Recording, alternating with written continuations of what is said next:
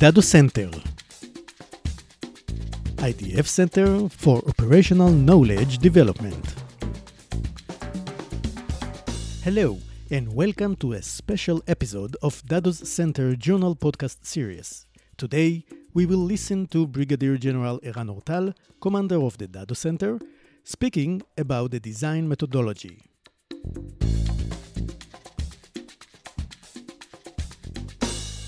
In today's episode, Brigadier General Eran Ortal will explain what is design and how should senior military leadership use this powerful approach in order to improve their ability to understand and cope with a complex and dynamic reality.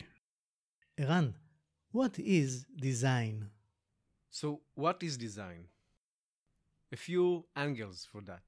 First, it's our way, the senior military leadership, to come up with new ideas, new relevant concepts, conceptual innovation, disruption. This is what it's all about.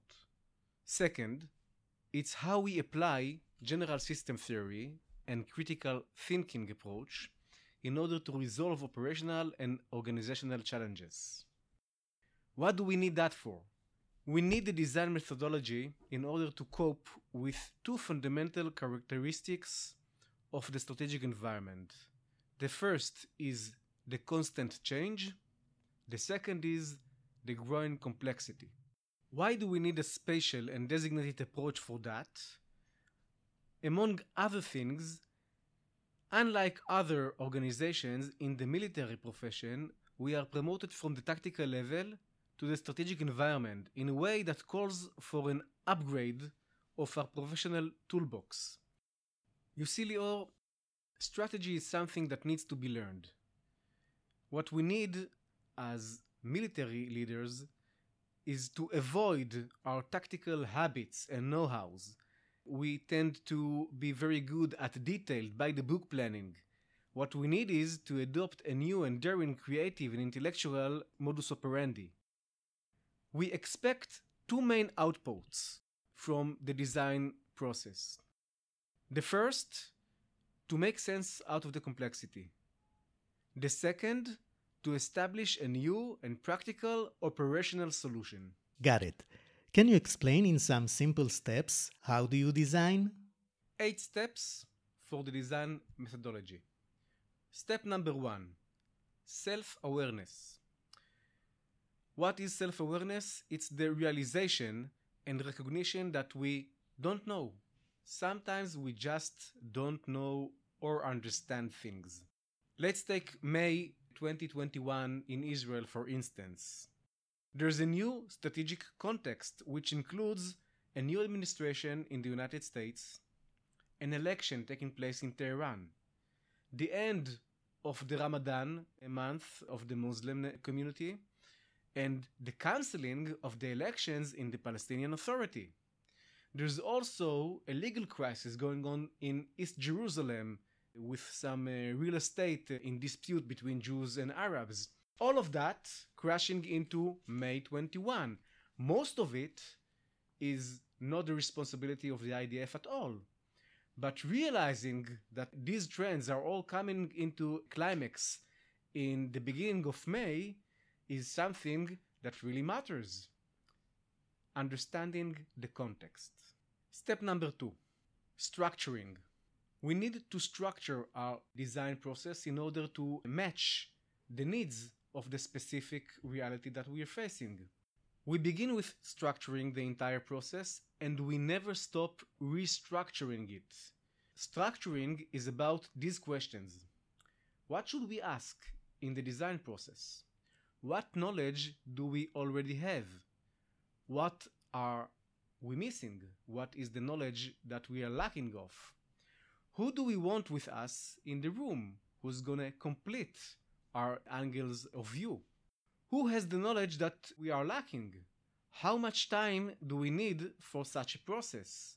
Is it two weeks or two months? How do we bridge between what we need and what we have? Step number three the emerging environment or system, we use both terms. During this step, we analyze the emerging strategic environment or the emerging strategic system.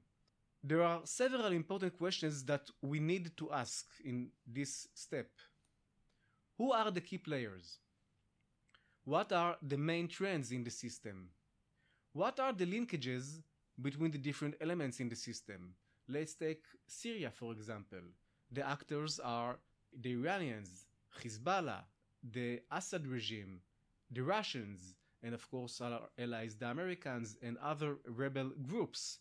They have tensions between them, but they also cooperate. This is a map of the system. Another set of questions concerns our interests and the way they are affected by the current trends in the emerging environment. Are they being jeopardized, our interest. How can we promote them? Step number four the conceptual and organizational heritage. In this step, we need to analyze our own organizational and conceptual heritage or legacy. You see, every organization is an historical creature or entity that constantly tries to improve the practices that it already has. But mostly, most of the time, fails to reinvent new practices. The result is that our current problems are usually yesterday's solutions. Think, for example, of the current obesity pandemic in the Western world.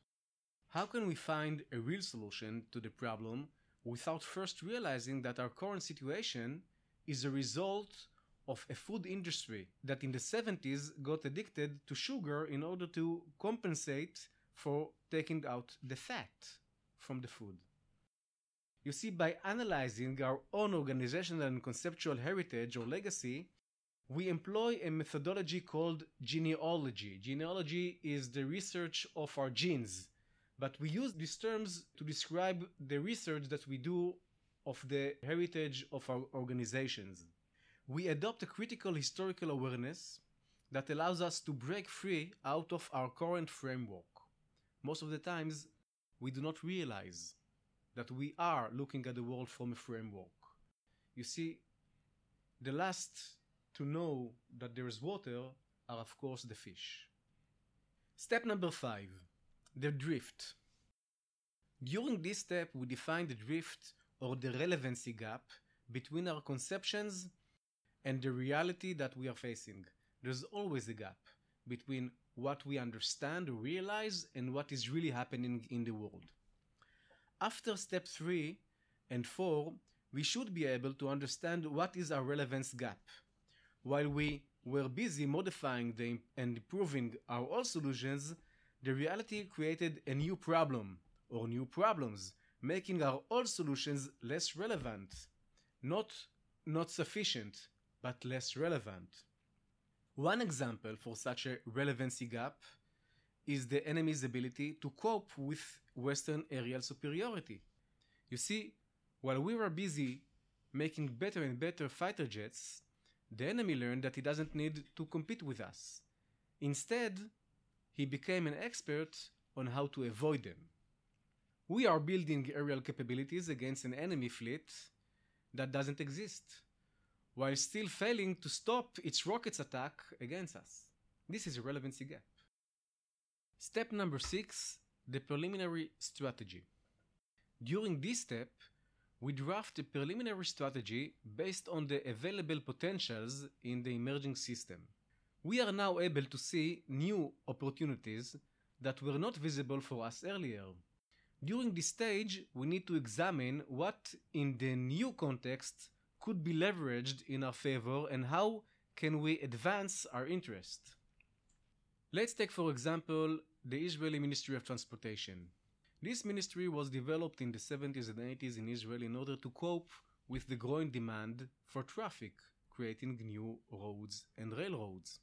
However, today we all understand that creating new roads only increase the demand of new cars going onto these roads and worsening the crisis. So this ministry needs to create new understanding of its own concept a new self awareness. This will enable it to devise a new strategy that does not only include new roads, but also advance new technologies and tax-based prioritization system that will decrease burden on the roads while building new ones. Step number seven is resistance. Once a preliminary strategy was created, we now need to face the expected resistance. The expected resistance from the red side, but also the expected resistance from the blue side. So, what is the resistance that we should expect to counter? We need to prepare ourselves to face it. Resistance, as I've said before, is expected not only from the adversaries, but also from our own side. We should ask what will make it more difficult for us to implement a strategy. Finding the answers for those questions will not only improve the chances that we have to encounter and that resistance, but will also better our strategy in the first place. So the question is how can we prepare ourselves better to face those expected resistances? Step number eight the operational concept. We have no strategy without operation. Strategy without operation is nothing, is only words. The operational concept is the idea that connects the new strategy we just devised and the practical tactical tools that we have in our disposal. Together, they create a new logical structure that will guide our planning and actual actions. Let's take, for example, 9 11. Former President Bush realized after the event that he needed to wage a global war on terror. Winning a war against the Taliban in Afghanistan demanded, according to the military conventional know how, hundreds of thousands of men and women on the ground. That course of action was too expensive and demanding and would take a very long time. A new operational concept represented a more feasible course of action that utilizes two new potentials in the system.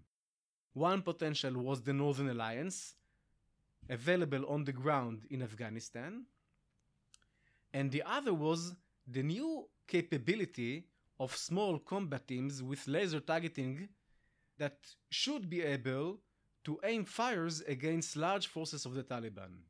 An operational concept is the new idea that connects strategy and tactics together in order to advance our interest in the context that is always unique and a one time event.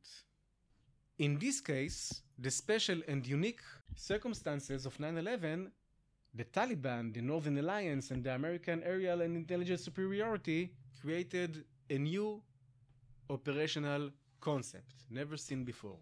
Another context as I've mentioned before, is the Israeli transportation system. The new operational concept is a tax reform and the technological means to implement it. An operational concept will always be the least expensive effort available. It will always have a clear and coherent command structure as possible. An idea that could advance our interest in the new context. Some complex problems may need several interrelated operational concepts implemented simultaneously or in a sequential way. So I understand the design concept, but how do you make it happen? That's a good question, Leo. Thank you. First, let's remember the design process is meant to allow us to reach a unique answer in a unique context. In the strategic level, all situations are unique and there are no fixed and permanent protocols for coping with a dynamic strategic environment. Realizing that, after we created a new operational concept, we can now go towards a detailed planning and execution. As senior leadership, we should be very aware that the professional apparatus beneath us will try to adapt the new operational concept to the existing habits and procedures. So the senior leader needs not only to be decisive and vigilant, but he also need to be able to spot the expected internal contradictions between his original operational idea and how it is actually being implemented or planned. He needs to be able to adapt both the planning mechanism and the original operational idea and keep developing his idea according to capabilities, but also developing capabilities in the new light of his operational concepts. In this sense, the design process is a spiral idea that never really ends. Both the red and the blue system react to it. The senior leader needs to adapt and change while preserving critical awareness and pragmatic and practical capabilities. What are the bottom lines? Bottom lines, Leo. Design is an approach based on critical and systemic thinking. The purpose is to allow the military organization to deal with strategic complexity. The military organization is based on tactical habits, patterns, protocols, and fixed organizational structures. However, the strategic environment is ever changing and demands constant creativity. The bottom line is simple four transformations, the four T's. T1 understanding, making sense out of a new complexity. Transformation number two, T2, the conceptual change. We need to adopt new concept of how handling the situation. Transformation number three, T3, is the transformation of our organization, whether it's an operational organization, reorganizing our forces and troops in order to match the new combat and operational plan, or whether it's an organizational change needed for the higher echelons and longer processes like force buildup. And of course, T number four, transformation four, is the aim of them all. This is the change in reality. So, T1, understanding. T2, conceptualizing. T3, reorganizing. Without reorganizing, we will never implement the new concept. And T4, the change demanded in the reality. Making it happen.